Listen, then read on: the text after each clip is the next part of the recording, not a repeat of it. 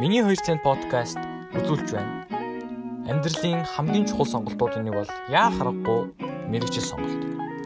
Мэрэгчлээ буруу сонгосны хор уршгаар цаг хугацаа, сэтгэл зүй цаашлаад амьдралаа ч алдах эсэлттэй.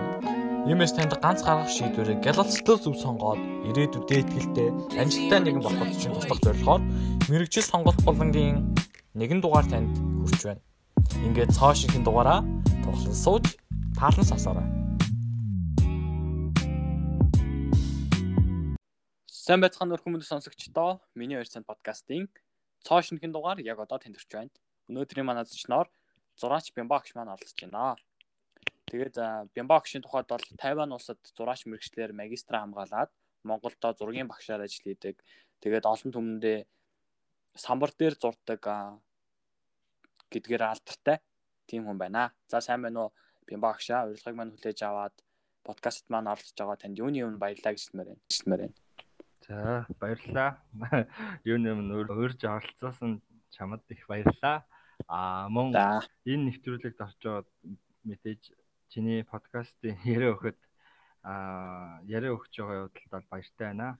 За. За баярлалаа. Таныг зураач болоход магадгүй одоо ингээ өдөө зэрэгт явхад чинь хамгийн их нөлөөлсөн багш хэм бэ? За ер нь бол багшд нь ерөнхийдөө бол нэг олон багш бол байхгүй. Тэ одоо би бол нөгөө нэг яг хөө миний хамгийн анх бол надад бол дөрслөө урлагийг бол жагсам гээд артын зураач, Монгол артын зураач, Францын артын зураач хүн. Одоо өөр 80-аад 80 80 настай байсан баха тэр үед. 80-аад настай илүү тийм хөвчин байхад байхдаа манай сургууль дээр ирж зааж яасан сургууль одоо хичээл зургийн хичээл. Тэгээд түүнээс хойш ер нь урлагийн тий өндөр одоо боловсрал гэж юу гэдгийг урлаг гэж одоо ер нь бол юу гэдгийг урлаг гэж юу гэдгийг зураг гэж юу юм зураг урлал гэж юу юм гэдгийг заалгасан да. Тий тий багш нь бол одоо тэр багшаасаа л одоо анхны одоо зураг одоо урлалын талаар одоо онл одоо зүгээр одоо эхлэлийг бол одоо үрийг суулгасан хүн дээ. За. Таныг зураач мэрэгчлийг одоо сонгох жоох ч юм уу хүмүүс за эн чи ирээдүйн ирээдүгөө мэрэгжил шүү дээ. Одоо цалин багтай шүү дээ. Орлогогүй шүү дээ гэдэг юм уу. Юу гэдэг чинь те. Одоо хүмүүсийн зүгээс гэх юм уу. Тийм одоо үг байсан уу? Хэлжсэн. Яг хоо багш нь бол 2004 онд 10 жилээ төгсөөд 12 жилээ төгсөөд тий. Бүрэн дунд боловсруулаад төгссөн ийм л хүн байдаг. Тэгээд яг тэр үед одоо одоо яг л одоо ерөнхийдөө бол сургуулийнхаа бас нэлийн шаггүй зурдаг бас нэр нэр төрийн аваа өвчтөг тийм хүүхд байлаа. Яг авьяас бол би өөрийгөө багш нар маань хэл одоо чогсон багш маань хэлдэг л байсан. Сайн одоо зураг зурх одоо авьяас дээр идэвхтэй хөвтгээл. Тэгэл би яг одоо ер нь бол өөрийнхөө энэ авьяасыг чадварыг одоо мэдэрсэн гэх үү? Одоо илүү одоо мэдэрсэн учраас энэ мэрэгчлийг сонгосон л тоо. Энэ мэрэгчлэрээ би одоо одоо сонгосондоо нэг харамсаад байдгүй ягаад одоо урлагийн хүн болсондоо би бахархдаг А урлагийн яг чинхэн бүтээл хийгээд хүмүүст ард иргэдэд одоо энэ хүүхэд багчуудад урлаг гэж юу юм бэ? Урлагийн талаар яаж сурах юм бэ? Тэ? Энэ одоо маш өндөр одоо дэлхийн өндөр боловсролын нэг шүү дээ. Тэгээ ийм мэрэгжлийг багш нь сонгосондоо баяр баярлалаа. Тэгээ яг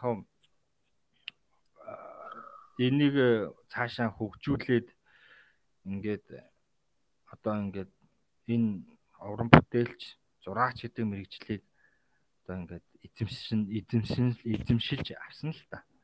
Тэ. Одоо хөгжүүл маш их хөгжүүлэлт явж байгаа шүү дээ, тий. Маш их зүйл сурсан. Тэр нь түүнийг мэдсэн зүйлэл одоо мэдсэн зүйл маань одоо эргээд намайг одоо энэ урлагийн хүн болгож байгаа байхгүй. За баярлалаа гэж. Ер нь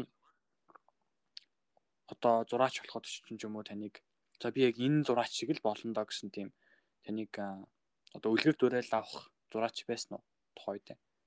Аа яг уу би багасаа л дэлхийн сонгодог урлагуудыг сонирхож түүнээс их суралцдаг байсан. Монголд юу сонгодог урлагаар яг намайг жоохон байхад ч юм уу одоо ингээд манай манай Монголын сонгодог урлаг бол хөгжөөгүй. Аа тэгээд яг хаа энэ сонгодог урлагийг бол би Итали, Грек тэр эртний урлагуудыг эхлээд би судалсан л та. Аа. Тэ яг урлагийн хүн гэж ямар хүн байдیں۔ Өнөөдөр урлагийн хүн гэж хэнийг хэлэх юм те.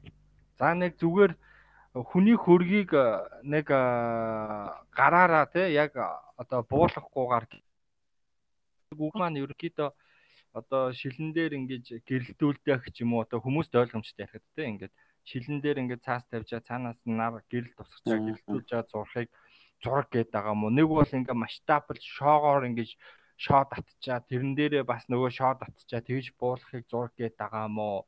Тэ? Нэг бол хулдаасан хөвслийн машин дотор холстойг хөвлээд зурхыг зураг гээд байгаа мó. Эн чинь өөрөө асуудал энэ бол одоо хүний хуурж байгаа хэрэг шүү дээ. А яг урлагийн хүн гэдэг одоо тэр грек ром одоо тэр эртний сонгодог тэр маструуд те европод тэр зураач хүмүүс чинь яаж одоо зурж зурж байсан те? Буулгах арга бол хэрэгжилж байгаа буюу цэвэр авьяасаараа тэгж одоо ингээд цоорж гарч ирсэн гэх юм уу те? Тийм хүмүүсийг бол одоо урлагийн бүтээлчнэр зураач уран бүтээлч одоо мэрэгжсэн мэрэгжсэн хүн гэдэг байгаа шүү дээ те? Тийм хүн гэж байна. Тийм учраас би тийм хүмүүсээс их суралцсан. Аа тэгээд ч ер нь бол би одоо 50 улсад ерөнхийдөө би суралцсан. Тэр ер нь бол 50-нд би боловсрол эзэмссэн хүн. А ер нь гэдэг ахаар би 50-нд очиж нэлээд их одоо урлагийн нарийн урлагийн дээр суралцсан л да. А тэгээд ер нь ингэж дэлхийн урлагийг ингэж харьцуулах Монгол дэлхийд харьцуулж штэ. Тэгээд үзэхэд бол ерөнхий одоо чиг маань ер нь бол харамсалтай л байсан. Манад бол нэг урлаг сайн хөгжөөгөө тий ойлгомж. Мирализм хөө. Ра тэгээд яг аа их одоо дэлхийн алдартай маструуд байна шүү дээ. Ленардо да Винчи байна. Одоо Рембрандт байна. Одоо тэгээд инэрлээд байвал маш олон Жан Лук Давид гэдэг одоо энэ зураачийг би маш их хүндэлдэг. Яагаад гэхээр энэ зураач нэг маш тийм романтизм буюу тэр сонгодгийг сонгодог урлагийн романтизмын төрлийг маш их хөгжүүлсэн юм хүн байдаг. Ленардо да Винчи бол 16 дугаар зууны үеийн сэргэн мандалтыг яг Италийн сонгодог урлагийг яг хөгжүүлсэн юм хүн байдаг. Эднэр яагаад авангард зураг зурж болоогүй юм бэ, тэ? Урлагийг хийж энэ авангард заврын зургийг зурж чадах байсан уу? Чадах л байсан шүү дээ. Эднэр урлаг гэж үзээгүй байхгүй да, тэ? Яг сонгодог гэдэг бол маш олон жил шилрээ сонгогдсон тэр урлагийг хилээд байгаа шүү дээ. Аа Тэгэхээр эднэр бол авангард буюу абстракт орчин үеийн цацаж нялдаг тийм зургийг бол зураг гэж үзээгүй учраас л урлаг гэж үзээгүй учраас л тийм зүйл хийгээгүй. А тийм учраас маш бодтой, маш одоо эра одоо бүр тэр үеийнхэн сонгодог одоо зүйлийг маш бодтойгоор зурсан байсан учраас багш нь тэр зураач нараас их суралцсан да. Ер нь бүтээлийн нэг судалж. Надад номонцсон байдгийн. Тэгээд ч тэр урлагийн мөн чанарыг яг ойлгуулсан одоо ийм одоо зурагнаас л маструуд гэж ойлгомжтой харагддаг байхгүй. Тэгэл ер нь бол тэр одоо Леонардо да Винчи, Рембрандт ч гэдэг маш олон зураач нар биш дэлхийн алдартай зураач нар сурлалцсан. Ийм л байна. Их гоё ярилтал та баярлалаа. Зүгээр зүгээр. Та одоо сургууль багшлж яхад ч юм уу мэдээж ингээ хүүхдүүдийн дунд ороод яг л хүүхд чиг л болно шүү дээ. Тэгж яах үед чинь ингээд тань багш нь яг хөөгчөг бардгоо. Багш нь яг багш шиг тийм. За яг нэг тиймэрхүү юм болоход ч юм одоо одоо нэг сурагчдын формтой байж байгаа ингээд хоорондоо инээж өхрөөл байж хахт ч юм уу таны ингээд миний сурагч нас ингээд бодогдох үе бол гарах л ах л та. Аа гардаг. Мэдээж би одоо тий мэдээж тийм гардаг байх. Аха. За асуу асуу. Тэгээд яг таны яг сурагч насны яг хамгийн гоё гэсэн тийм бод толгонд л ингээл нэ төртөг тийм хөгжилтэй ч юм уу, нандин ч юм уу, тийм дурсамж ямар дурсамж байдаг вэ? Аа нэг 9 8 дугаар ангид байна уу да нэг UBS телевизээс зарлсан нэг Монгол улс заяарлын болсон юм а тэр чинь нөгөө давагд оржин асшоро давагд оржин нэрмж зургийн уралдаанд багш нь орж ирлээ. Тэгээд төвөнд чинь би хэдгээр барьчлаа нэг 3 дугаараар эзэлжсэн сургуулаасаа. Олон хүмүүсээс шалгарсан тий. Бүртгэл зилээ гараал тий. Зураг мөр. Тэр л их хөвгчлөлтэй байсан шүү дээ. Тэр үеэр чинь нөгөө нэг нөгөө нэг яг тэр жоо хөөхтүүд ингээл цогцларсан тэгэл анх удаа тэр хөө авраг гэдэг хүнийг харж байгаа болохоор тэгэл тэгээд хамгийн хөвгөлтэй нь тэр үеийн тэр шагнал нь одоо яг миний санахнаар тэр шагнал нь амир одоо нөгөө нэг яг одоо яг яг тэр хэлсэн шиг шагнал биш байсан. Хоёрдугаар тэгэл одоо яг тэр үйл явц нь их гоё тэр болтойд хөөхдөд төрөө хүүхэд л байсан чинь тэгээд яг тэр том шанглын үлээ штэ мэдээж төрүүлсэн юм чинь. Тэгсэн мэдээж тэр хүүхэд байсан юм чи тэр шанглын хүлээсэн чи даанч тэр шагналт биш байсан. Нэгдүгээр хоёрдугаар тэгээд тэр нэг үйл явдал нь бас нөгөө нэг юу яаж исэн л та а хүүхдүүд ингээл их аврагт өнсүүлээл ийсэн л та. Амар. Тэгэхээр нь багшинтсан өмсөлтөөр санагдал. Нөгөө хацар өгсөн чи инээгээл хоёр хацны өмнө өмсөжсэн л та. Тэгээд тийм л нэг үйл явцаадیں۔ Тэгээд яг хөө тэгээ сургууль дээр хүүхэд ийсэн юм чи хөгжилтэй юм зөндөөл болно л доо. Тэгэл. Одоо зураг зургийн зураг их зурдаг байсан чилгүү багш нь тэгэл багш нар чинь багшаар нь зөндөөл одоо манай багш нар шүү дээ. Сургуулийн багш нар маш их ханы сонин хийлэгдэг байлаа. Тэгэл хөгжилтэй юм болно шүү дээ. Багш нь жоохон монгол хэлтэй муу байсан. Тэгээд тэр үеэр монгол хэлтэй ерөөсөө хийдгүй байсан. Тэр үеэр ч одоо ерөөсөө монгол хэлээ хийхгүй байж яж жагаад одоо яг монгол хэлний сайхан самбар маамбар монгол бичгээр бичих болгон дээр бямба наашир үнийг бичээд тэгээд дүнгээ авдаг байсан шүү дээ. Ер нь тэгэл нэг юм хөгжилтэй самбар дээр зураг мураг зурах муурах бол тэгэл их л зугаатай л байдаг байсан 10 жил те. Хүүхэд Тэгээ яг дараад нь горын мэджил байгаа юм л та тий. Монгол хэл чи хэрэгтэй гэл тий. Математик бас хэрэгтэй гэл бүх одоо одоо тэгээ яг юу л та тэр э, багш нартаа туслах одоо хүүхэд л байсан нас тий. Тэгэл одоо ингээл одоо нэг жоохон хүүхэд дандаа л нэг гой гой самбар хийгээл нөгөө нэг багш нараасаа чихэр мэхэрч авдаг юм уу яа ангийнхан маань тэр тэгдэм үү Тэгэл ингээл манай ангид чинь тэгэл бас ингээл одоо надад тэрийг хийгээд өгч, энийг хийгээд өгч гээл зөндөөл тийм зураг зурагтай л их холбоотой хөгжилтэй юм байдаг юм байна да одоо бодоодсэн чинь тий. Гой нанд төгөөд шүү.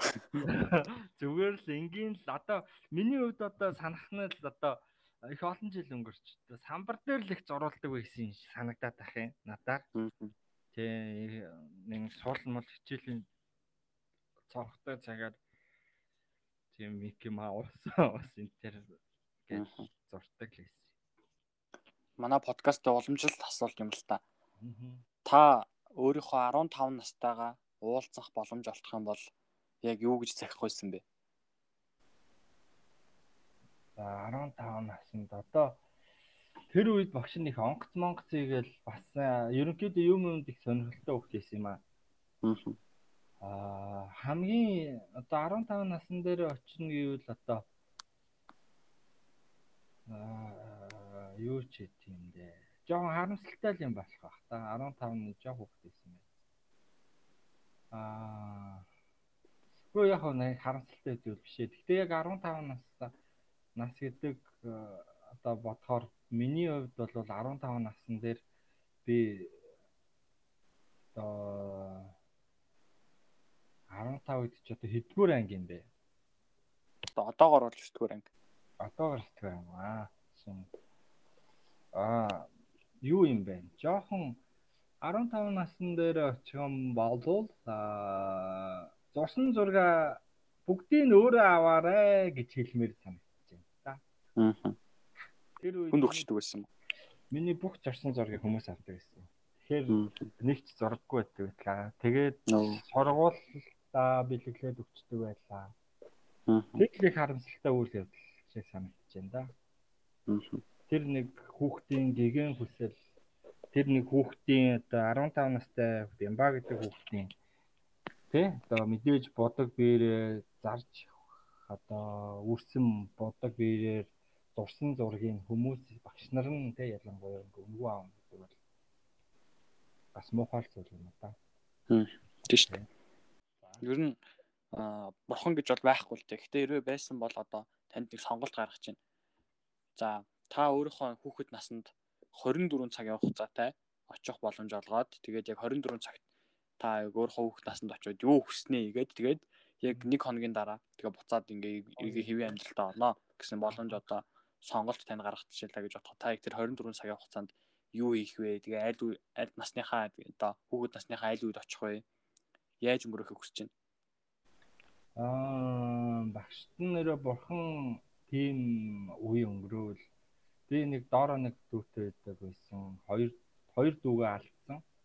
Аа тэр хоёр дүүгийн одоо нэг баг дүүд нэг жижигхэн дүүтэй байдаг бол доороо нэг бас нэг эрэгтэй дүүтэй байлаа. Тэгээд тэр дүүнэрийнхээ амьдарч исэн хугацаанд л очив доо. Аа. Тэгээд тэр дүүнэрийнхээ амьдарч явах хугацаанд очиод дүүнэрийнхээ өвчнөг идгэх байсан баха. Аа. За одоо хоёлаа нөгөө зураг яг зураач гэдэг мөржлийн талаар нэг жоохон яриад тэгээд хоёлаа нөгөө таны багш гэдэг мэржлийн талаар ярьж За Монголд яг одоо төр зэсгээс илүү ард иргэдийн зүгээс хувийн зүгээс ч юм уу миний зүгээс ч юм уу те уран зургийг хөгжүүлэхэд яг юу хийх ёстой вэ? Аа ер нь бол уран зураг гэдэг болвол одоо маш том одоо одоо урлаг гэсэн үг шүү дээ. Уран зурагч өөрөө урлагийн нэг том салбар тий? Уран зураг гэдэг бол урлагийн нэг том салбар. А ер нь бол маш сайн багш нар байх хэрэгтэй гэж хэлмээр байна тий? Маш сайн багш нар байж иж тэр салбарыг одоо хүүхдүүдэд багчуудад урлаг гэж юм байдаг. Урлагийн одоо гэж юм байдаг гэж одоо ойлгуулж таниулсан шүү дээ. Тийм учраас багш нартай л их холбоотой гэж хэлээ хэлмээр байна. Энэ асуултанд ерөнхийдөө. Тэгээд ер нь бол яг хав төр засгаас энийг их харж үзэх хэрэгтэй л байна. Гэхдээ яг тэ одоо тэгээд одооны байдал бол одоо яг хав дэлхийдээ ингээ харьцуулахад бол жоохон манайх бол хоцронгуй л байдаг. А гэхдээ би бол Бямба гэдэг багш хүний зүгээс үзэхэд бол би бол аль болох сурагчдаа дэлхийн тэр боловсролыг дэлхийн тэр урлагийн чиг хандлагыг ер нь бол би багш шавнартаа бол өгдөг өгдөг гэж багш үздэг. Яг тэр тэрийг л би нэг за энэ хүүхдүүдтэй заач юмсан да. Энэ багчууд энэ шавнартаа энийг л ойлгуулж юмсан. Урлагийн бүтээл гэж юм байдаг юм аа. Цацаж нэдэлдэг урлаг болов бүтээл урлагийн бүтээл харамсалтай биш ээ. Тэ цацаж нялсан болгон зураг бол биш шүү гэдгийг нэг ойлгуулж юмсан гэдгийг би хүсдэг. Тэгээд ер нь бол заавал одоо яг ер нь бол урлаг бол улс орныг авч явдаг ганц зэвсэг байдаг л та. Жишээлбэл одоо Солонгосын энэ К одоо нэг pop rock хамтлал одоо хамтлагууд дэлхийг K-pop те та та нарын үеийн насны залуучууд их сонсдог. Энэ бас урлаг шүү дээ. Энэ төв бүр төрөөс нь бүр энэ чинь тусдан дэмжээд тий энэ залуучуудыг бэлдээд ингэж дэлхийгээр цацж гин гэдэг бол бүхэл бүтэн улсынхаа төсвийг хийж байгаа зү урлагаараа. Тэгээд ингээд бүх юмд урлаг байна л да. Одоо бидний барьж байгаа гар утсанд урлаг байна. Урлаггүй ингэж хаач байхгүй тий. Урлаг одоо гоо зөөгүй. Гоо зөө чин эхлээд хүн гоо зөөг мэдэрнэ. Дараа нь урлагийг мэдэрнэ урлагийг мэдснийхаа дараа яг урлагийн бүтээлийг ойлгодог болох байхгүй. А тэгхгүйгээр гоо зүгч мэдэхгүй, урлагийгч мэдэхгүйгээр урлагийн бүтээл буюу одоо уран зураач одоо урлагийн хүн гэж ямар хүн байдгийг ч мэдэхгүй шүү дээ тий. Тэгэл нөгөө нэг харанхууд одоо яв одоо юу гэх вэ сохроор л явж гин гэсэн үг л те энэ үг одоо бол те харамсалтай байдаг. За яг хөө гэхдээ болно болно ирээдүйд тэгээ сайхан харагдаж байна те гэж би итгэл өгдөг шүү дээ тэгэл. За та зураг зурхтаа юу мэдэрдэг вэ? Одоо нөгөө зураг зурж байхдаа одоо би толгойдоо нэг юм буулгаж аваад тэрийгээ ингээд бие дээр гаргаад тэгээ хамгийн сүүлд нь өөрөө хот зурсан гэдэг ийм гой зураг зурчлаа гэж мэдрэх хаад чагаал ч юм уу. Ер нь зураг зурхтаа яг юу мэдэрдэг вэ? Ер нь бол ийм байдгийн. Урлаг одоо би бол хүүхдүүдэд одоо би 10 жил багшлалаа л да тий одоо ингээд бодлоо.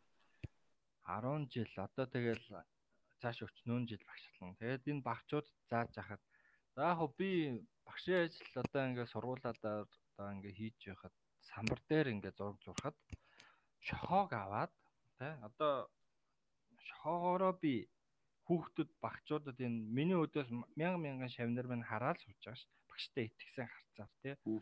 Энэ хүүхдүүдэд би энэ цагаан ганцхан зөвөр энгийн нэг цагаан шохоор ямар боловсрал, ямар урлагийн гоо зүйн мэдрэмж, ямар мэдрэмжийг төсөөллийг бий болгох вэ гэж л бодно. А тэгээд миний нүдэнд харагддаг шууд ингээд төсөөлөгдөв А яаж зурх арга бол ингээл самбар бол самбар дээр зурна гэдэг бол асар хэцүү шттэ. Бүр одоо яг ярих юм бол та нэгдүгээр эрүүл мэндийн хувьд маш хүнд те. А яагаад гэвэл эрүүл мэндийн хувьд эжнэн төргөмтхаа те. Одоо ингээд маш муу. А хоёрдугаарт гэвэл энэ самбар дээр бол багшийн өөрийн хэрэгэлдэг шохооч нэг цөөхөн 3 4 3 хүн өсрөл 4 хүн байдаг. Энэ 4 хүн өнгөөр ч юм уу одоо өнгө гаргаж ингэж зурна гэдэг бол маш хэцүү баг боломжгүй байдаг тий. Аа тэгээд яг хуу энэ хэсгийг ингээд технологийн яг хуу би ингээд цагаан шохоогоос эхлээл би ингээд ерөнхийдөө хүүхдүүдтэй ингээд шүний тэнгэр рэс эхлээ сартаа шүн гэж ямар байдаг вэ? Яг 3D тий яг 3D шүү тий 3D маш бодиттой өөдөөс нь салхи мэдрүүлээл тий усны давлгааны үнэр үнэртүүлэл. Тэгж хичээл орох юмсан л гэж боддог тий яг тэр нэг юм сэтгэл байдаг багшд нь тийм төсөөлөл байдаг. Тэгэл хүүхдүүд минь тэрүүнээс багшигаа орж ирэх болгонд л те амар баяртай миний хичээлийг ингээл хүлээдэг гэсэн яадан бодог мэрэ гаргачаад тийм байдаг л та. Тийм юм ингэж мэдэрдэг, мэдрүүлэх гэж ингэж одоо миний нүдэнд ингээл тэр ингэ төсөөллөөр бий болгож байгаа шүү дээ. Тийм төсөөлөл шүү дээ. Хов хосон зэлээс те. Хов хосон зэн ингээ нэг цагаан шохоогоор нэг ингээл сар те одоо бүр сарн гэрэлтэл үүл наагур яваал тэгэл далаа ус ингээ үнэртэл тэгсэн чин завтай хүмүүс ингээ наагур нохотой хүмүүс ингээ тэгсэн чин самбар нь ингээ цаашаа цөмрөөд орсон юм шиг яг тийм 3D ертөнцийг бий болгож байгаа. Энийг ингэж харна гэдэг урдж ингээ хардаг. Ерөнхийдөө би маш хурдан хардаг. Энийг одоо 1 минут ч юм уу те одоо хүүхдүүдтэй ярьж явах хугацаанд л ингээ харж идэг. Гэхдээ би хүүхдүүдтэй хэлж явах хугацаанд л энэ болгоны ингээ нүдэндээ ингээ одоо маш хурдтай ингээ буулгаж яддаг байхгүй. Одоо хүүхдүүдэд жишээлбэл хоёулаа хичээл минь чи ингээ сурах жайлаа гэхэд за хүүхдүүдээ өнөөдрийн хичээл сартаа шүн те одоо ингээ багшны цагаан шохоор ингээ зурна гэж хэлж байгаа байхгүй те. Тэнгүүд би энийг ингээ сартаа шүн гэж зурна гэдэг үгийг хэлж байгаад л би энэ сарын зурж байгаа байхгүй толгоон дотор айл эзэн самбар дээр зурцсан те харж яадаг байхгүй. А яг ийм маягаар би ер нь уран бүтээлээ хийдэг ер нь бол цаанаас нь ингээл ингээд нүдэнд ингээд үзэгддэг. Одоо ингээд яг одоо миний харахгүйгээр зурдаг зурнууд тий. Одоо яг нөгөө олон хүмүүс зур зуруулна л та захиалгаар хөрөг зуруулна тий. Даав ээжигээ зуруулна. Тэрийг бол яг ингэж одоо тэр хүнийг харж байгаа зурна шүү дээ тий. Ямар зурн бороо амтэн зуруулна, морь зуруулна гэхэд адуу маалаа харуулж иж зуруулна шүү дээ. Тэрийг бол би хаад зурдаг. Харин харахгүйгээр зурдаг зураг бол нүдэнд ингэж ингээд айгүй хурдтай харагддаг төсөөлөгддөг. Тэгэл би бүтээдэг те. Ер нь тийм төсөөллийн хүч юм да. Урлаг бол төсөөллийн цоошин одоо илэрхийл бөгөөд одоо тэр нь хүнд маш бодтой байх хэрэгтэй юм да тий харагдах хэрэгтэй. Тэр бол сайхан ч байна. Одоо мэдээж сайхан биш үү? А зарим талаараа хүнд одоо муу муухай зүйлийг эсэргүүцэх тийм мэдрэмж төрүүлэх ч юм уу тий. Тийм хүчтэй байх хэрэгтэй. Ямар ч нэг амин сүнс байх хэрэгтэй тий. Одоо самбар дээр цагаан шохоогоор одоо сартаа шүнийг зурхад тэрний амин сүнс нь юу юм те? Гол нь санаа нь юу юм? Зүгээр л нэг нэг ингээд шартаа шун зурх юм уу тэр нь ингээд амьсгалуулж яах юм уу хүүхдүүдэд ямар мэдрэмж төрөх юм гэдг нь гол байхгүй тий. Эннээс хүүхдүүд урлагийн бүтээлийг ойлгоо штэ. Үүнээс хүүхдүүд маш том боловсролыг олно штэ тий. Тэгэхээр одоо ингээд цаашаа ерөөсөө ингээд эн чинь нөгөө нэг юу байгаа байхгүй том нэг систем байгаа байхгүй маш маш том одоо тий урлагийн систем гэж ярьж болно. Тэгэхээр энэ бол өөрөө зүгээр нэг одоо нэг хэдхэн жилийн дотор боловсролдог зүйл бол биш яваа даа тий. Бас ингээд зурхад хүртэл бас ингээд нэлийн нарийн торгон мэдрэмж шаардаад идэг. Аа. За нэг ингэж л хариулъя. Ер нь төсөөллийн хүчээр багш нь зурдаг гэж хэлээ тий. Аа би бас өөрөө зураг оролцдог л доо. Тэгээд аа зураг зурхаан тулд би өөрөө байгальд айгу дуртай. Сартаа шүнд бол ялангуяа айгу дуртай. Хамгийн дуртай. Шүнжэнгөө ингээд ширтээ зогсчмоор л санагддаг. Та ер нь иймэрхүү юмд одоо хэр сонирхолтой вэ? Яг байглаасаа ингэж харж одоо ер нь зурдаг үстэй тий. Санаа. Аа ер нь бол одоо одоо би сартаа шүнийг ингээл одоо харъя гэвэл би багшин төсөөлөл харчихж штэ тий. Сая одоо чи ингээ ярианда үгнийхаа ярианда сартаа шүнийг би ингээ харах дуртай байгаль дээр хараад зурчдаг гингүүд би яг тэр хэсгийг яг бодиттой ингээ сартаа шүн ингээ шууд тэрэн дээр ингээ очиод ингээд би хараад зогсож байгаа байхгүй тий. Яг ингээд миний нүдэнд бууж байна. Тэгэхээр ингээд э, нөгөө нэг төсөөлдөг байгалийн маш гайхамшигтай одоо үйл явдал гайхамшигтай тэр а одоо үзэгдлийг би одоо ингэ сэтгэлдээ болгодог л та. Гэхдээ байн байгаль болвол те намаа ингэ зураач ээ гэд ингэ байгаад байхгүй шүү дээ. Хідэн цаг хэдэн өдөр те маш хурдан ингээл за харуул хар одоо гайхамшиг бол одоо гайхамшиг гэдэг зүйл одоо өөрөө одоо гайхамшигтай агуу гэдэг зүйл бол өөрөө баг хэдхэн секундын дотор л одоо үйл явц аахгүй юу. Аа энийг хүмүүс олж аваад энийг хүмүүс барьж аваад илэрхийлэх хүмүүс одоо энэ энэ зүйлийг ингэж мэдэрч энийг дүрслэнэ гэдэг бол хүний одоо ой ухааны асуудал тийм энэ бол уурлын а тэгэхээр ер нь бол амьдрал дээр ч юм уу одоо энэ дэлхий дээр ингээд агуу хүмүүс ингээд дандаа төрөөд байхгүй шүү дээ тий. Одоо дандаа Леонардо да Винчи ч юм уу өдөр болгон төрөөд байхгүй. Моцарт Бах Бетховен өдөр болгон төрөөд байхгүй. Нэг л одоо хэсгийн хугацаанд яг л энэ байгалийн үзэгдэл шиг ингээл төрөөл буцаал явчихж байгаа байхгүй. Яг энэ акшнд л хүм одоо одоо байгаль дээр байгаа үзэгдэл руугаа ижил энийг тогтоож аваад энийг хүмүүст мэдрүүлэх нь л одоо одоо хүмүүсийн одоо тий одоо хүмүүст хэрэгтэй байхгүй. Хамгийн гол нь энэ хүн төрөлхтөнд хэрэгтэй гэдэг. Тий. Тэгэхээр энэ байгаль чинь ингээл одоо намайг зураачаа гээл аян цахилгаан ч юм уу сартай шүн ингээл хэдэн өдөр ч орой байгаад байхгүй шүү. Хитгэн секунд. За өсрөөл нэг 10 минут 20 минутанд байгаад тэгэл нүгэл явчих штэ. Яг тэр өсрөө байхгүй. Тэгээ өөрчлөлтөөл энийг мэдэрнэ. Энэ гайхамшигын мэдэрнэ гэдэг чинь одоо гоо зүй балгын бал усал тий одоо хэрэгтэй штэ. Үнд чинь. Тэ энэ энэ ийм үзэлтэнтэй зүйл байна. Яах гэж ийм үзэлтэнтэй зүйлийг те одоо бид нэр те одоо харуулад байгаа. Хараад хараад одоо мэдрэх хэвээр харуулад байгаа юм. Энэ дэлхий гэдэг чи ямар гайхамшигтай юм бэ? Ер нь энэ дэлхий гайхамшигтай. Энэ одоо бид нар бол хүн болвол маш их хайрлах ёстой юм да гэж багш нь боддог.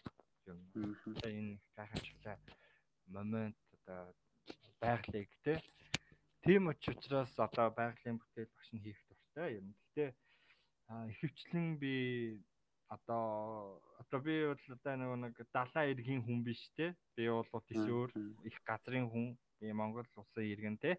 Монгол улсад төрсэн газар их газрыг л мэднэ. А яг юм далаа тэнгис уул ус одоо далаа тэнгис шүнийн сартай далаа ямар байдгийг 50-нд л анх удаа харж ирсэн те. Тэгтээ дандаа хараагүй.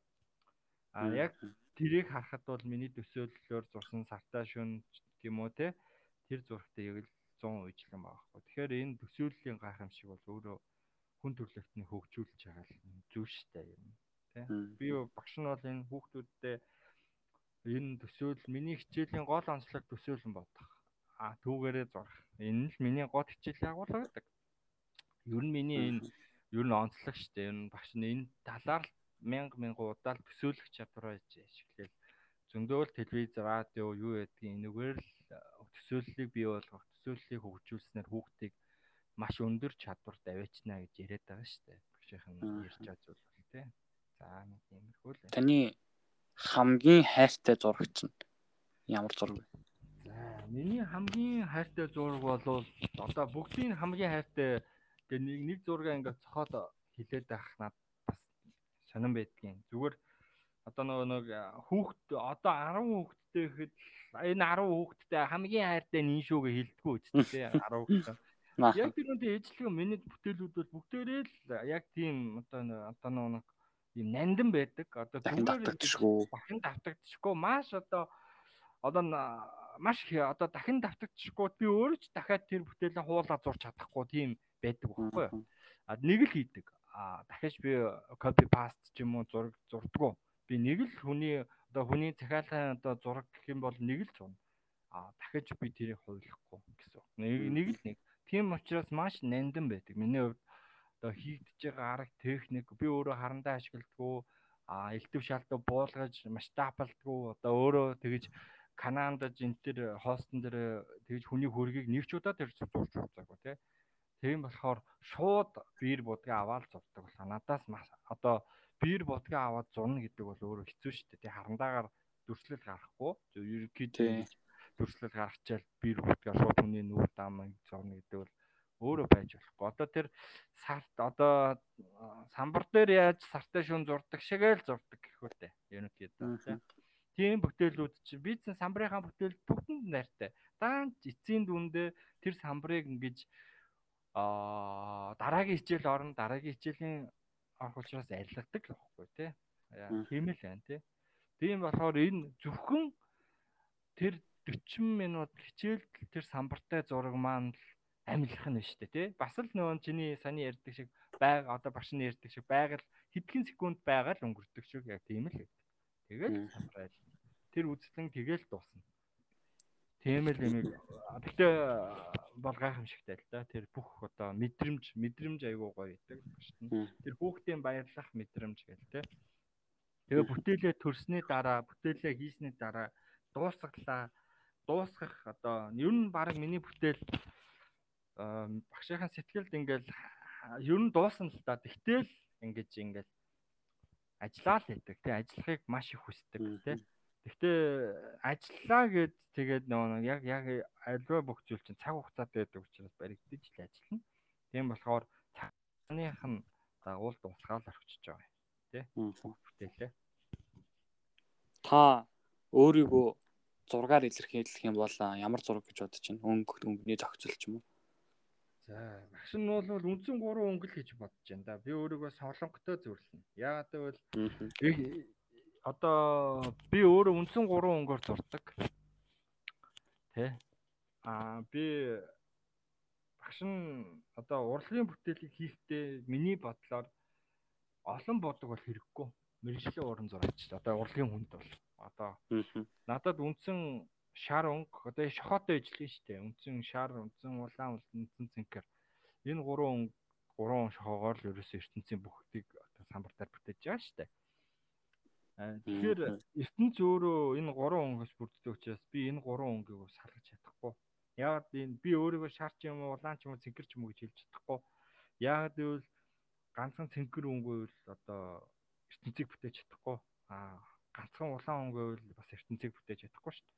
Тэгэхээр энэ гурван өнгө гурвуулаа нэг байж ижил гурвуулаа нэгдэж ижил ертөнцийг бүтээгээд байгаа. Бидний одоо харж байгаа бүх юм. Тэгэхээр би энэ гурван үндсэн гурван ер нь бол би солонгын долоон гэдэг хайртай. Би ертөнцийг одоо цаанаас нь энэ одоо байгаль ертөнцийн ертөнцийн хилээд авах шиг тий. Энэ долоон өнгө, энэ гурван өнгө чинь ингээд солонгын долоон өнгө болдог. Ингээл бороо орохоор харагдуулаад байгаа шиг тий. Тэгээ солонгодог шиг тийм ертөнц байна л да бидний ертөнц. Одоо энэ сайхан дэлхийн ертөнц маань тий. Тэгэхээр энэ гурван өнгөөр Солонгогийн 7 өнгө ч юм уу 3 өнгөөр л өөрийгөө төсөөлнө доо. Маш гоё ярилцлаа. За хоёлаа одоо багш гэдэг мэрэгжлийн талаар юу ярилцсан. Ер нь бусад улстай харьцуулахад одоо Монгол улсын боловсролын систем Яг авах тал нь юу юм, авах тал нь юу юм мэдээж байгаа л да. За бас хаях талнууд нь юу юм. Тэр талаар таны одоо багш гэдэг хүний зүгээс харахад юу гэж бодож байна?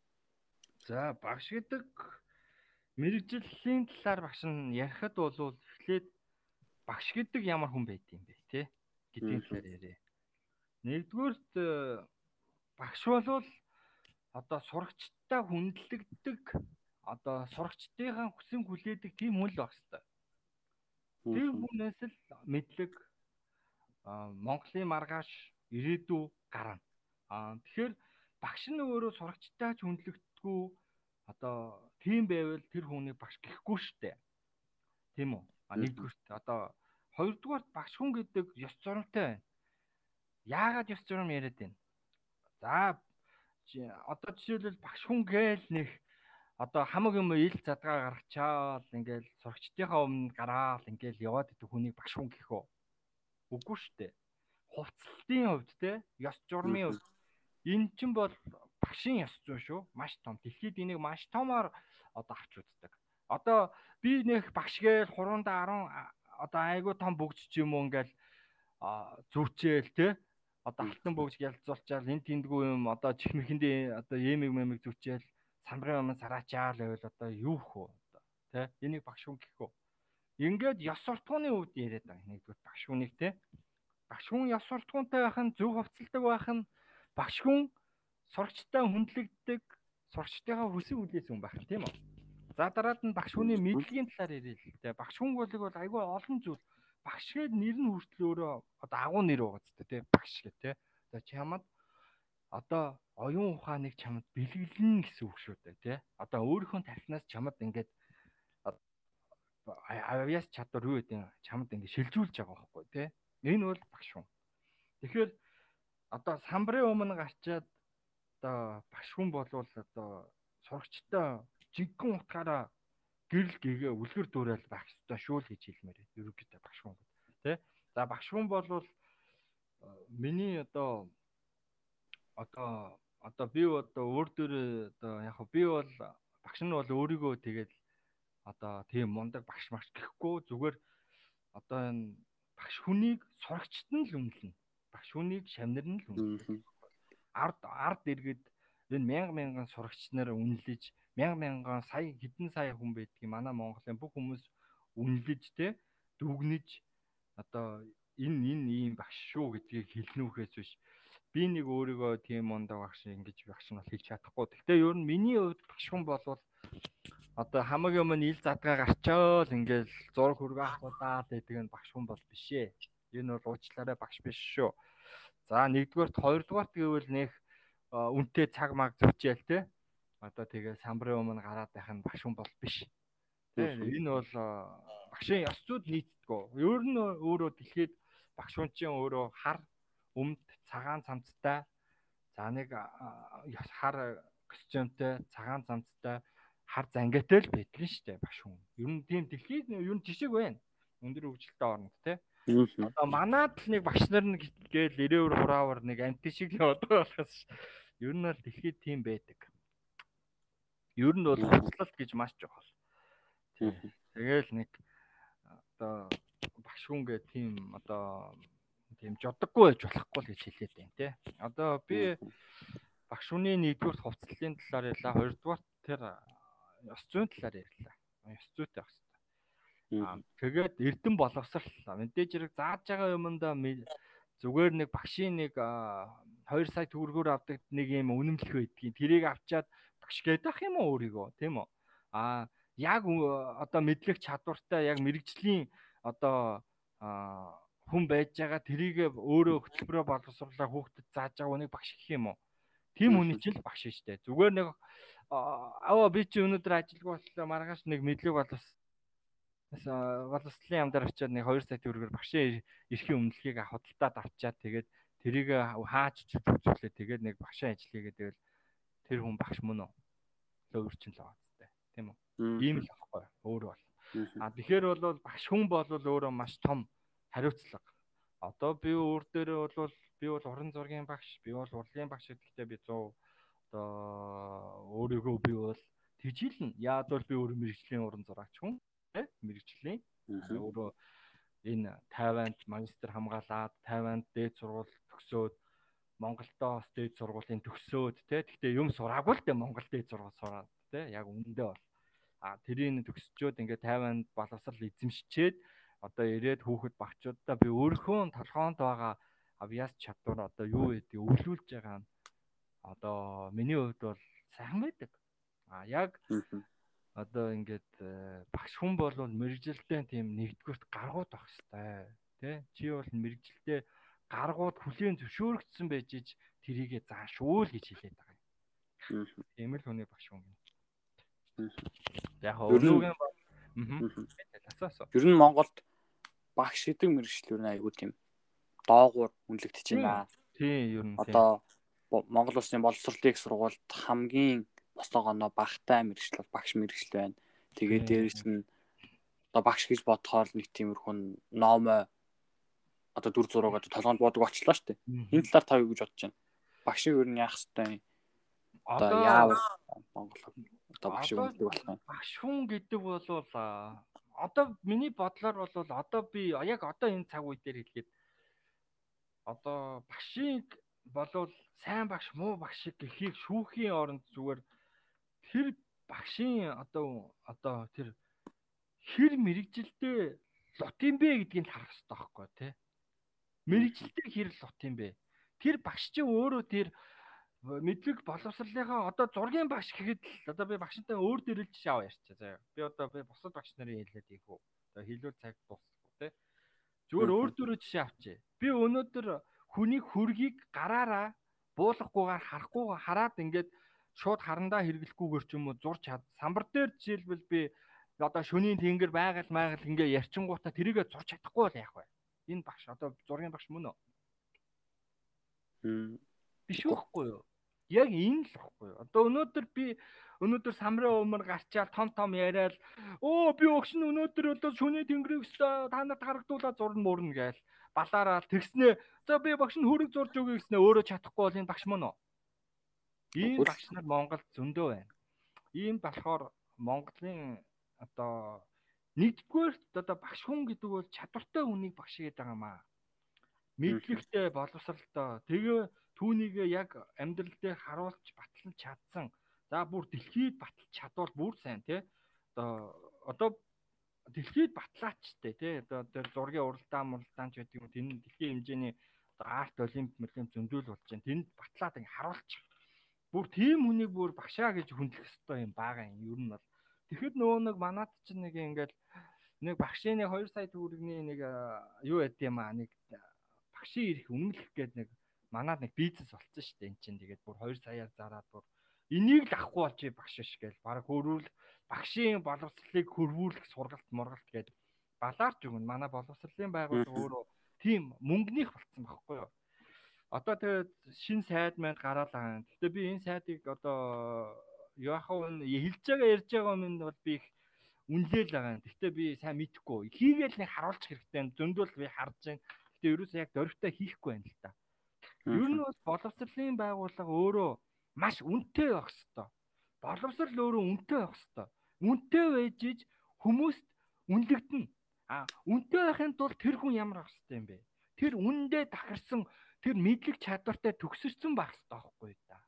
Тийм биш байж иж үнэтэй байгаад шүү дээ өнөөдөр боловсролын байгууллага. Өнөөдөр за хоёулаа жишээ аваа хоёулаа чам дээр ярил л та. За чи дээд сургууль Монголд сурлаа. Тэ?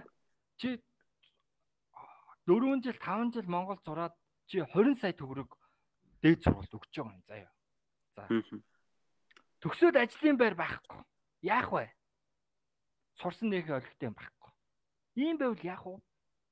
Тэрний оронд чи тэр 20 сая төгрөгөө банкнд ийгээд тийм үү? Багш нь бол ийм гэж байна. Тэрний оронд тэр 20 сая төгрөгөө банкнд ийгээд хүний алаг нялх хүрээс 20 сая төгрөгийг аав ээжээр нь зовуулж авчаад тэр дээд сургуулиуд сонсчээ те би зүгээр зориудыг хэлчихье.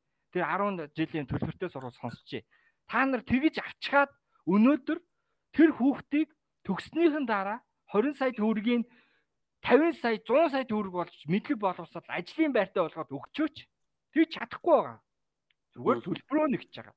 Тийм учраас өнөөдөр би өөрийнхөө өөрийнхөө гэж ашиг мянга мянган шавнараа би гадагшаагаа сур гэж хэлдэг.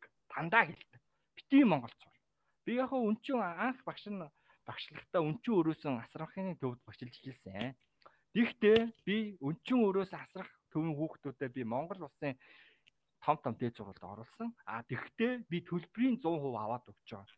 Тэгэхэд одоо тэр улс өөрөө одоо ингээд төлбөрийн бүр одоо гуйж хааж одоо ингээд үнчин бүтэн үнчин гэж бүр үүдийн сахижаагаад би дээд сургуулийн төлбөрийг авч өгөхөд тэр хүүхдүүдийн одоо нийгмийн асуудлыг шийдэж өгөхгүй л байгаа.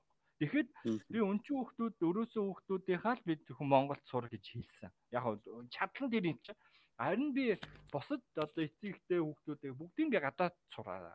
Гадаадад юм үзэж нүд тайлж тэр боловсролыг эзэмшээд Монголд хэрэгтэй хүн болж ирээрэй гэж хүсдэг. Би тэгж заадаг.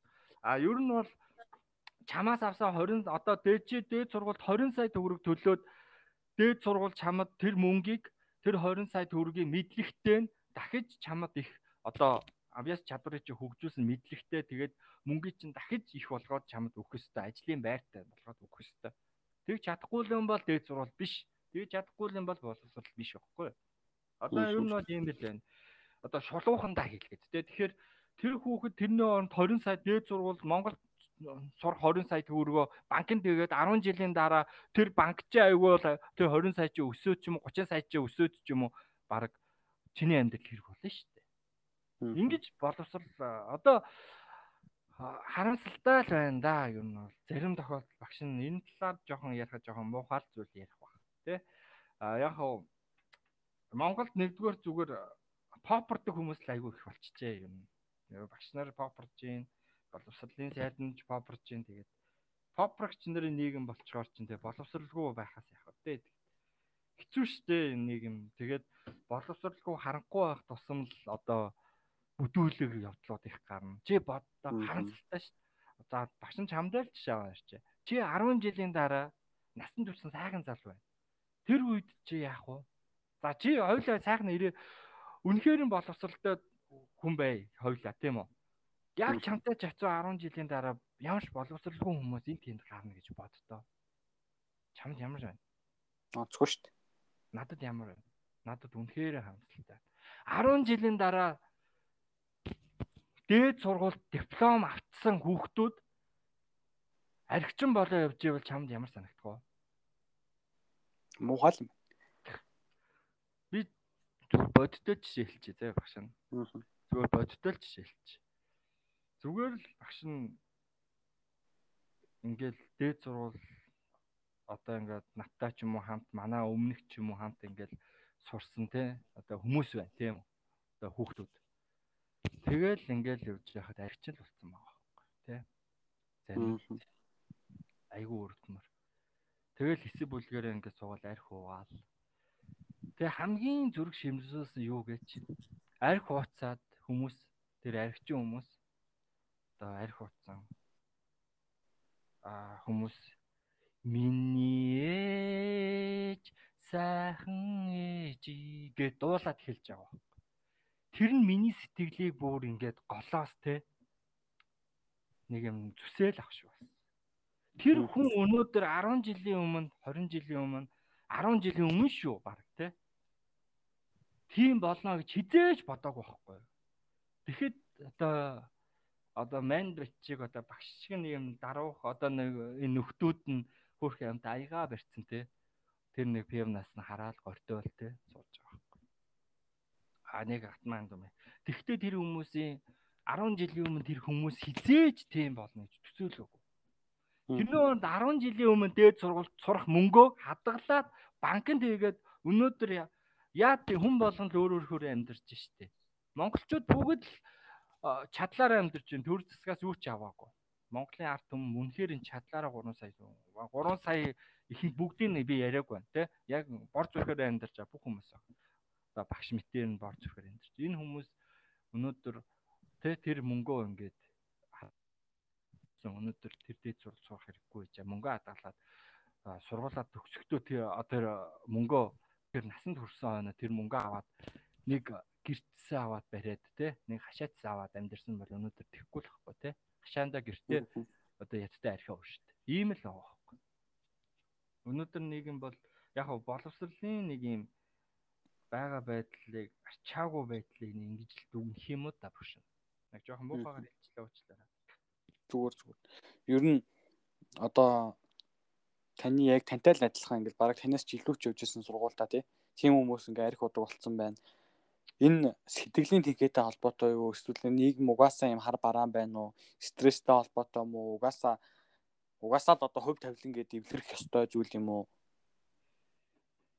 Өнөөдөр миний бод одоо ингээд харж байгаа математикаар би л бол манай ингээд хамгийн сайн хүүхдүүд байдаг л байсан. Тэгэл математикаар мангарлаг одоо тэгэл одоо улсын олимпиад, кенгуру мингру олимпиад оролцоод төрүүлж ирсэн хүүхдүүд л эмгэнэлтэй л байхгүй. Тэгээ миний өнөөдөр зүгээр ингээд харж хахад те. Яг хоо энийг одоо би эмгэнэл гэж хэлээ да. Одоо өөр юу гэх вэ? Одоо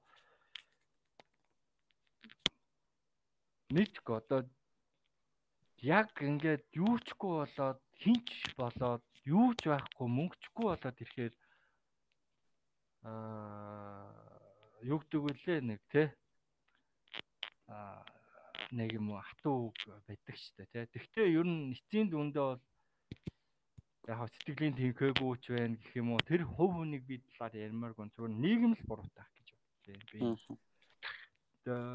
нийгмийн л энэ буруутай зарим нэг зүйлээс болж байгаа тий. Хэрвээ тэр хүүхэд аа дээд сургуульд үнэхээр сайхан боловсралтай тэр одоо тэр хүүхдийн тэр боловсролыг улам хөгжүүлээд тий.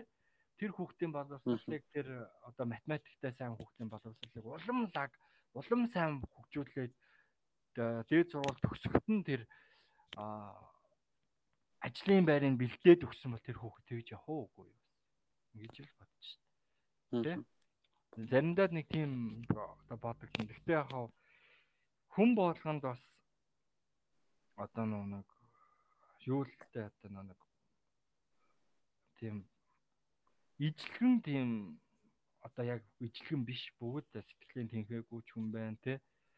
Яг тийм болохоор одоо хүн болгон одоо ер нь бол хүн өөрөө төгс биш шүү дээ тий 13 хүн гэж байна. Хүн болгон алтна Тийм болохоор алдсан алдаа нь улам л авшраал тийм болсон багтаа л гэж боддгийг. Гэхдээ хүн алдаж болно. Гэхдээ гэрэл гээгийг ер нь бие биендээ л босолж бие биенийгээ л хайрлж яваарай л гэж хэлээ те. Яах вэ те. Багшаас нас архины мөнгө асууж исэн хүмүүс зөндөө л байдгийг. Яах вэ би тэгэл өөрөөцөө амьдралтай бас л те бас л нэг энгийн л нэг иргэн байгаа үедээ авч хідээрээ тийм хоолнд оруулаад явна. Байхгүй үедээ тэгэл байхгүй л хийж явна да. Тийм л байдаг шүү дээ. Тэгээ энэ юм юм бол өөрөө Зүр нь бол одоо их л хэцүүтэй. Өнөөдөр аа кроно гэдэг айхтар вирус тэ одоо энэ дэлхий дээр одоо дэлхийн хүн амтыг бүгдийг одоо ингэж цар тахал болгож байна.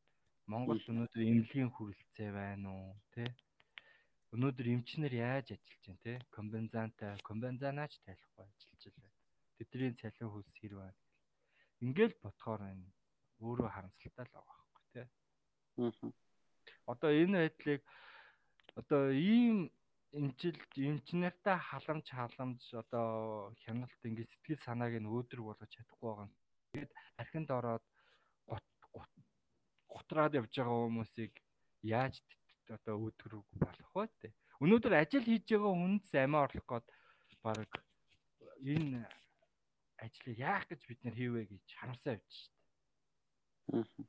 Тэгэхэд ажилгүй байгаад бүр одоо юу ч ихгүй болсон хүмүүс яах вэ те. Тэгж бодохоор бас тэднийг бас 100% буруутгах бас хэцүү л те. Сэтгэлийн хадахгүй ч гэдэг юм уу те. Одоо архиа уугаа сэтгэлийн хатгүй тэр нэг шалтгаан учрыг үүссэн л болоод гэж байгаа. Гэтэ архи уух нь буруу. Архи уух нь би 100 зөв гэж хэлэхгүй. Багш нь архийг дэмжээгүй шүү тий уучлаарай. Энэ бол зүгээр л нийгмийн одоо ямар ч үед хүн сэтгэл готраал өөдөлж болно шүү дээ. Өнөөдөр Монгол улсад амиа хорлолт хэр их бүртгэгдэж байна тий? Ингээд статусыг тоо мон харахаар амар үт юм байл шүү дээ. Манай монголч Японоос тутахгүй юм шүү баг. Аа. За за уучлаарай багш нь жоохон онцгүй юм шичлээ. Зүгээр зүгээр. За өстой гоё ирсэн зүгээр зүгээр баярлалаа. За зүгээр. Та сурагчдаа юу нэг юу гэж захдаг вэ? Ирээдүйд би одоо энэ За ялангуяа одоо нөгөө зураач болох байгаа зурагчтай ч юм уу. Багш нь бол үнэнгээ л хэлдэг тий. Одоо би худлаа ярилдгүй багш нь. Аа жишээлбэл зураг зураад зураачаар үнэхээр авьяастай хүмүүс байл бүр яг яг багшгээ одоо би шууд тэгж хэлдэг. Яг багшгээ ингээд 100% те ингээд урлагийн боловсролыг ингэж те эзэмшиж те зурж те одоо яг башгээл болж чадах юм бол чи зургаар яв. Хамаагүй. А тэгтээ Монголд бол бас л одоо ингээд зургийг чи ингээд худалдаж аваад байнга ингээд яваад байхгүй дээ. Тэ? Тийм учраас а зураач гэдэг мэрэгжлийг бол сонгоход урлагийн одоо хэцүү Монголд те жоохон гадагшаагаар юу н одоо сурахад зүгээр. А харин би шавнартаа зөвлөдөг. Би шавнартаа сайн хүн байгаасаа, зөв хүн байгаасаа чи тэ ямар ч үе тохиож байлаа ш. Мэдхгүй штэ би багш шавнарыгаа байнга насан туршаараа дагаж явахгүй тийм үү.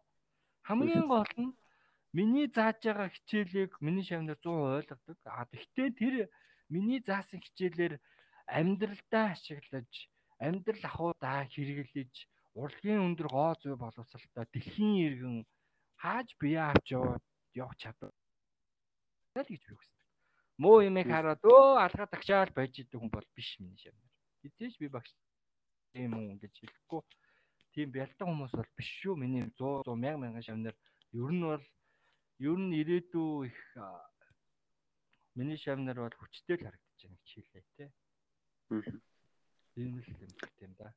За эцэст нь та дандаа өөрийнхөө бодож авдаг нэг мэрэгэн үг сургаалаа шантармаар үд чинь бодогддог гоё ишлэлээ ч юм уу сонсогчд маань хуваалцаад энэ удаагийн ярилцлага өндөрлөё.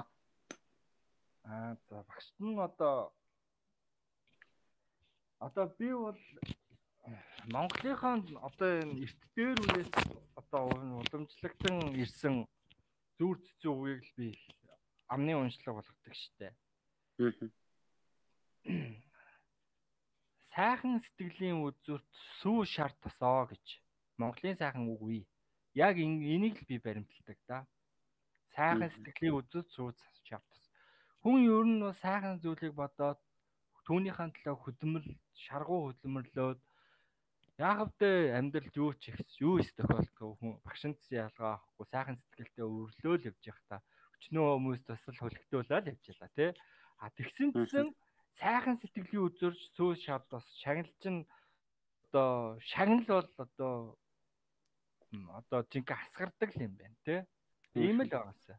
А ер нь бол эцсийн дүнд нөгөө нэг мууг даагуул могоо хорлол сайныг даагуул сарны гэрэл гэдэг үг байдаг шүү дээ тий. Энэ бол үнэн үг шүү. Өөд гэж. Энэ бас үг шүү. Энэ Монголын зөвлөлтөө үг хэлдэг байгаа тий. Энэ шашинтай ямар ч холбоогүй үгнүүд шүү тий. Энэ бол Монгол хүний Монгол сэтгүүгээс гарсан бидний үг дээдс Чингис хааны үеэс баг энэ үгийг хэлж ийсэн.